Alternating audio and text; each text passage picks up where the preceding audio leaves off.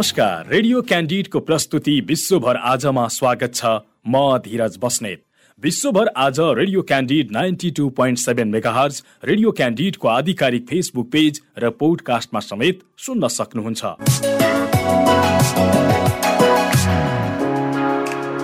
विश्वभर आजमा हामी विश्वभर घटेका ताजा र विशेष घटना समेटिएका समाचार सामग्री प्रस्तुत गर्दै आएका छौँ। विश्वभर आज हरेक दिन बेलुका आठ बजेको क्यान्डिड फटाफटपछि प्रसारण हुँदै आएको छ। विश्वभर आज भएका प्रमुख घटनाहरू जुन तपाईँले जान्न खोजिरहनु भएको छ वा जान्नै पर्ने केही विशेष छ। जुन घटनाहरू प्रस्तुत गर्दै हुनुहुन्छ सहकर्मी यमुना राणा र विद्या तामाङ। रुसी सेनाको करिब नियन्त्रणमा पुगेको युक्रेनी पूर्वी सहर सेबेरो दोनेट्सकलाई युक्रेनी सेनाले पुनः कब्जा गरेका छन्। सेबेरो दोनेट्सक सहरको एउटा भाग पुनः कब्जा गरेको युक्रेनका क्षेत्रीय गभर्नरले दावी गरेका छन्। सहरलाई आफ्नो नियन्त्रणमा लिने रुसी र युक्रेनी सेनाको रस्साकसी बीच युक्रेनी सेनाले सहरको केही भाग आफ्नो कब्जामा लिन सफल भएको हो। आफ्ना सेनाले आक्रमणकारी रुसी फौजलाई पछाडि धकेलेको गभर्नरले जनाएका छन्। गभर्नर सर्गी हैदाईले भने कि रुसीहरूले यसअघि देशको पुरानो औद्योगिक सहरलाई रुसी सेनाले लगभग सत्तरी प्रतिशत कब्जा गरिसकेको बताएका थिए। तर युक्रेनी सेनाले सेबेरो दोनेट्सकको ठूलो हिस्सा पुनः प्राप्त गरेको उनले बताए। रुसी सेनाको मुख्य निशाना बनेको सो सहर केही सातादेखि निरन्तरको गोलाबारीमा परेको छ। यसैबीच सेबेरोदोनेचकमा लडाई जारी रहेको गभर्नर हाइदाईले बताएका छन्। शनिबार एउटा टेलिग्राम पोस्टमा हाइदाईले पछिल्लो चौबिस घण्टामा युक्रेनी फौजले नौवटा हमलाको प्रतिकार गरेको बताए। युक्रेनी फौजले रुसी सेनाको एक एकवटा ट्याङ्क र तोपखाना र आठवटा सशस्त्र गाडी ध्वस्त पारेको दावी गरेका छन्। वायु रक्षा इकाइले एउटा क्रुज मिसाइल र तीनवटा मानवरहित हवाई साधन खसालिदिएको उनले दावी गरे। रुसी सेनाहरूले आफ्ना सबै भण्डारहरू सेबेरो दोनेत्सकमा फ्याँकिरहेका छन्। उनले भने मानवीय अवस्था यति भयावह छ कि सहरमा खाना र औषधि पुर्याउन असम्भव छ। अमेरिकाले प्रदान गरेको नयाँ तोपखाना निर्णायक हुने उनले बताएका छन्। सो हतियार मार्फत रुसी फौजलाई खेद्ने उनको भनाइ छ। शुक्रबार राति नियमित सम्बोधनमा युक्रेनी राष्ट्रपति भ्लोदिमिर जलेन्स्कीले रुसी सेना विश्वको दोस्रो सेना भन्दै खिल्ली उडाएका थिए। सम्बोधनका क्रममा उनले रुसी सेनासँग अब तितो मुस्कान युद्ध अपराध घृणा र अपमान बाँकी रहेको टिप्पणी गरे। युक्रेनी प्रधानमन्त्री डेनिस स्याम हललले देशले दण्डपछिको पुनर्निर्माणको पहिलो चरण सुरु गरेको बताएका छन्। पुनर्निर्माणको पहिलो चरणमा युक्रेनी अधिकारीहरूले रुस युक्रेन द्वन्द्वबाट भएको क्षतिको मूल्याङ्कन गर्ने पुनर्निर्माण परियोजनाहरूका लागि प्राविधिक कागजातहरू तयार गर्ने र महत्त्वपूर्ण सुविधाहरूको मर्मसम्भार गर्ने बताइएको छ। सरकारको काम शरद ऋतुमा अधिकांश क्षतिग्रस्त महत्वपूर्ण सुविधाहरू पुनर्स्थापना गर्ने हो। उनले भने युक्रेनको राज्य सडक एजेन्सी युक्राप तोडोरले युक्रेनमा द्वन्द्वका कारण करिब तीन सय पुल र चौबिस हजार किलोमिटर सडक ध्वस्त भएको बताएको छ।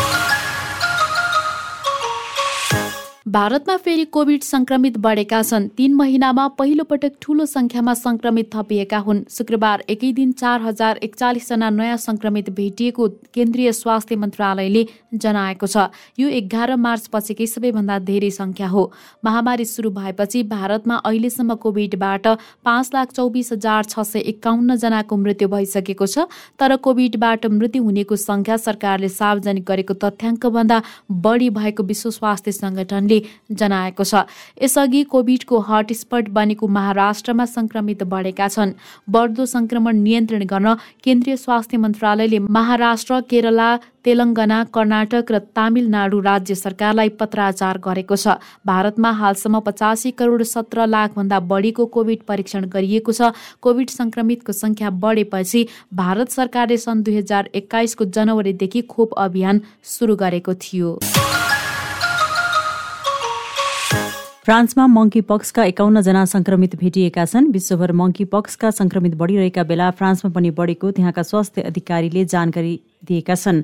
युरोपेली देश फ्रान्समा मङ्की पक्सको पहिलो संक्रमण मे महिनामा देखिएको थियो। अमेरिकी रोग नियन्त्रण तथा रोकथाम केन्द्रका अनुसार विश्वभर मङ्की पक्स संक्रमणका सात सय केस देखिएका छन्। फ्रान्समा संक्रमित मध्ये सबैजना पुरुष रहेका छन्। उनीहरू बाइसदेखि त्रिसठी वर्ष उमेर समूहका छन्।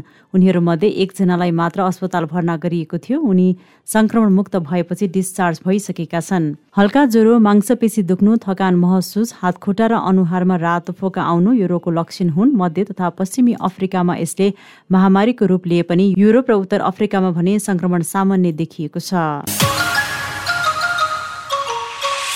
चीनले आइतबार तीनवटा अन्तरिक्ष यात्रीहरूलाई अधुरो चिनिया अन्तरिक्ष स्टेसनको कोर मोड्युलमा लैजाने एउटा अन्तरिक्ष यान प्रक्षेपण गर्दैछ। स्टेसन निर्माण उन्नत चरणहरूमा प्रवेश गरिरहेका बेला उसले अन्तरिक्ष यात्रीलाई स्टेसनको कोर मोड्युलमा पठाउन लागेको हो। अन्तरिक्ष यात्रीहरूले छ महिनासम्म स्टेसनमा काम गर्नेछन्।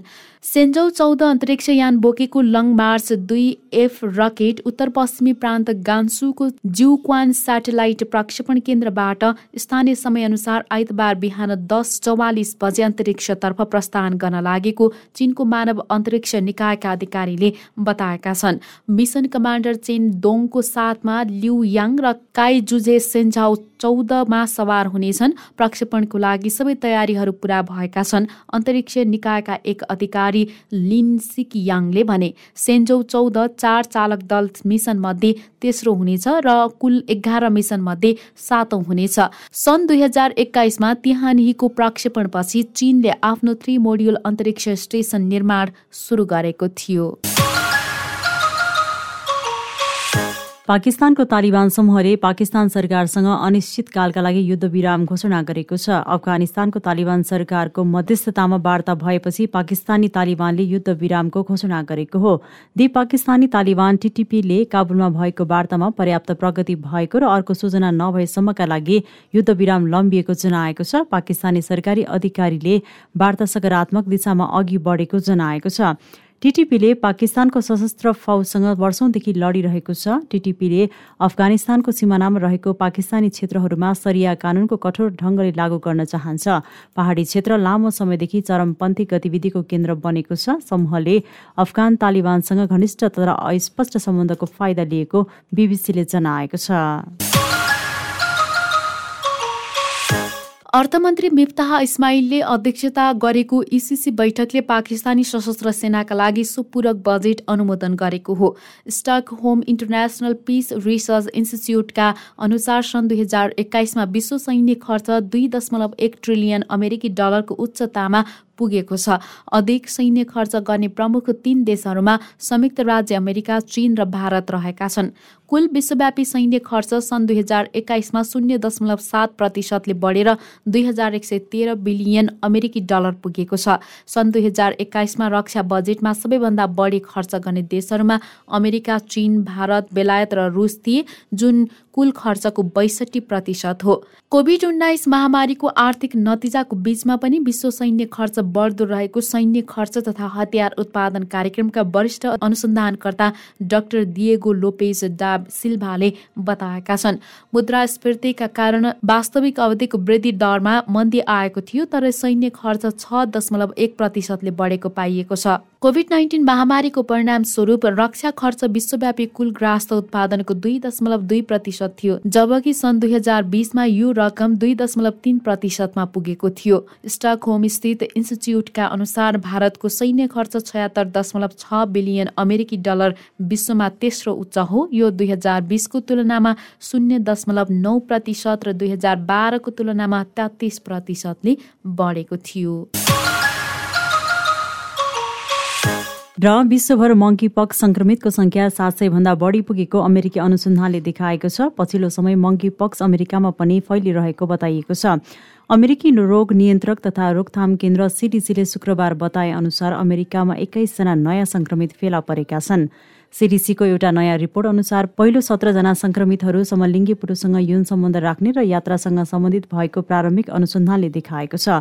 सबै बिरामीहरू निको भइसकेका छन् वा निको हुने क्रममा रहेको र कुनै पनि संक्रमितलाई जटिल स्वास्थ्य समस्या नदेखिएको बताइएको छ। सिडिसीको division of high consequence pathogen and प्याथोलोजीका उपनिर्देशक जेनिफर म्याक्विस्टनले सञ्चारकर्मीसँग भनिन् संयुक्त राज्य अमेरिकामा पनि केही घटनाहरू देखेका छन् जसबारे हामीलाई पूर्ण जानकारी छ। मङ्की पक्स एक दुर्लभ रोग हो। यो बिफरसँग सम्बन्धित तर बिफरभन्दा कम गम्भीर रोग हो। यसले गर्दा अन्य लक्षणका साथै फैलने ज्वरो आउने चिलाउने र दुख्ने जस्ता लक्षण देखा पर्छन्। साधारणतया पश्चिमी र मध्य अफ्रिकामा मात्र सीमित यो रोग मेदेखि युरोपमा पनि भेटिएको थियो। त्यस बेलादेखि प्रभावित देशहरूको सङ्ख्या बढेको छ।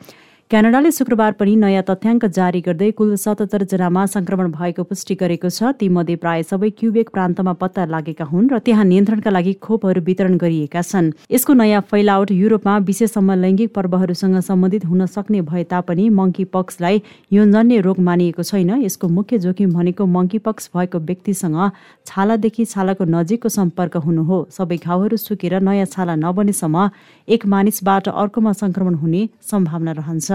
प्रस्तुतिमा हुनुहुन्थ्यो सहकर्मी यमुना राणा र विद्या तामाङ। विश्व गतिविधि रेडियो क्यान्डिडको दैनिक प्रस्तुति हो। तपाईँले रेडियो क्यान्डिडको वेबसाइट आधिकारिक फेसबुक पेज र पोडकास्टमा सुन्न सक्नुहुनेछ। सँगै खबर हब डट कममा पनि विश्व गतिविधि पढ्न सक्नुहुनेछ। भोलि फेरि यसै समयमा विश्व गतिविधि बुलेटिन लिएर उपस्थित हुनेछौँ। आजलाई भने बिदा दिनुहोस्। नमस्कार।